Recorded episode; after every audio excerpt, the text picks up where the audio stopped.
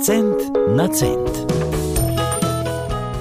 O zaščiti se pogovarjamo v rubrikah Cent na cent. Lep pozdrav vsem tistim, ki jim sledite in seveda našim gostoma, gospod eh, Mitja in gospa Ana Vezovišek, dobrodošla.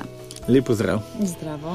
Eh, Mitja, beseda je zdaj predvsem vaša, ker govorimo o tem, eh, kako se zaščititi. Če smo v pretekli oddaji govorili o zaščiti naše delovne sposobnosti, je danes čas pa, da spregovorimo o zaščiti življenja. Res je, življenje je na drugem mestu, ko zaščitimo delovno sposobnost. Um, in takrat se naj, največkrat vprašamo, kaj če me več ni.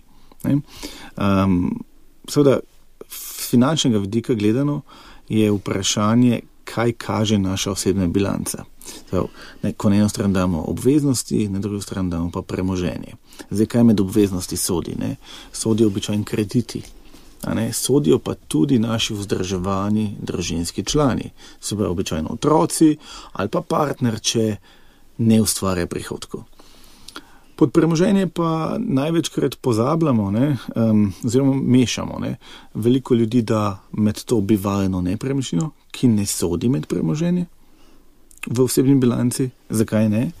Ker če mene več ni, ne, a na otroci še vedno živijo v isti nepremičnini.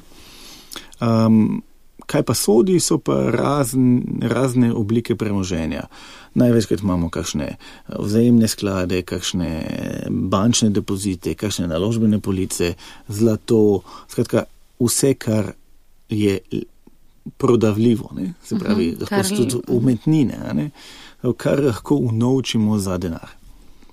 Gospa Ana, imate kakšen primer? Um, v vaši popolni preobrazbi, da ste morali kakšno zavarovanje eh, preoblikovati ali kaj rešiti, da je kdo mislil, da ima kaj drugega zavarovanega kot ja, je bilo potem sicer. Marsikaj smo preoblikovali.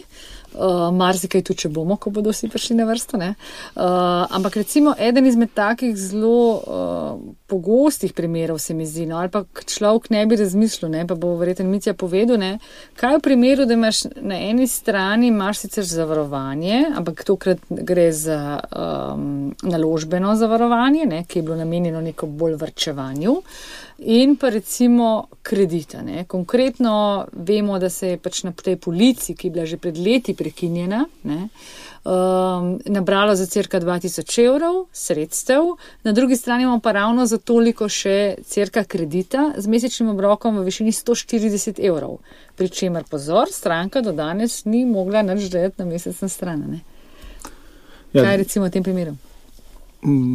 Najprej na prvo žogo je odgovor. Um, izplačati iz naložbene police in poplačati kredit. Ni vedno tako, ne? ker je tukaj polno podrobnosti.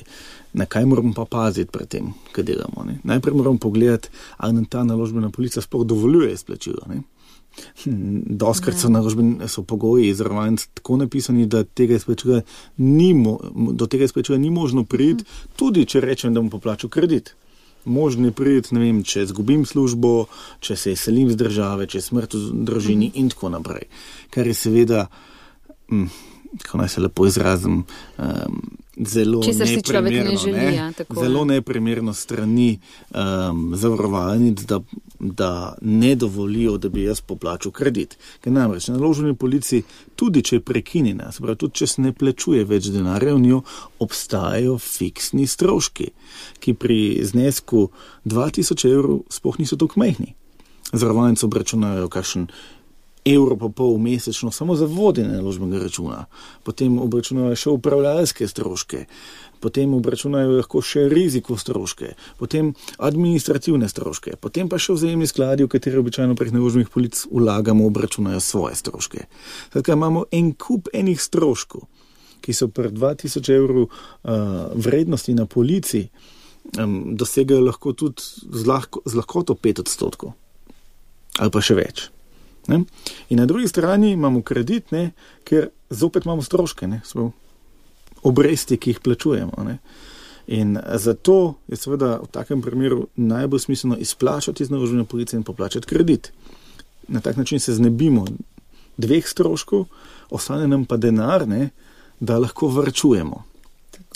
Ne, težava je pa seveda naslednja, da se ljudje za to odločajo na tak način, da jih kakšen zavarovalni agent, bančnik ali kdorkoli prepričal to, ok, poplačite. Ampak zato, ker ste to naredili, boste pa spet vrčvali v novi naložbeni policiji. Ja, Ne, to pa spet nismo To naredili. moram povedati, da ta izkušnja sem imela tudi jaz sama, konkretno pred leti, ne, kjer smo prav v stranki, ki je imela leasing, ki je bil zelo drag, tudi niso mogli z meseca v mesec, smo rekli, dajmo to zapreti, dajmo poplačati leasing. Stranka je šla, tja, dala to zahtevo, ampak je bil pogoj sklenitev nove. Ja.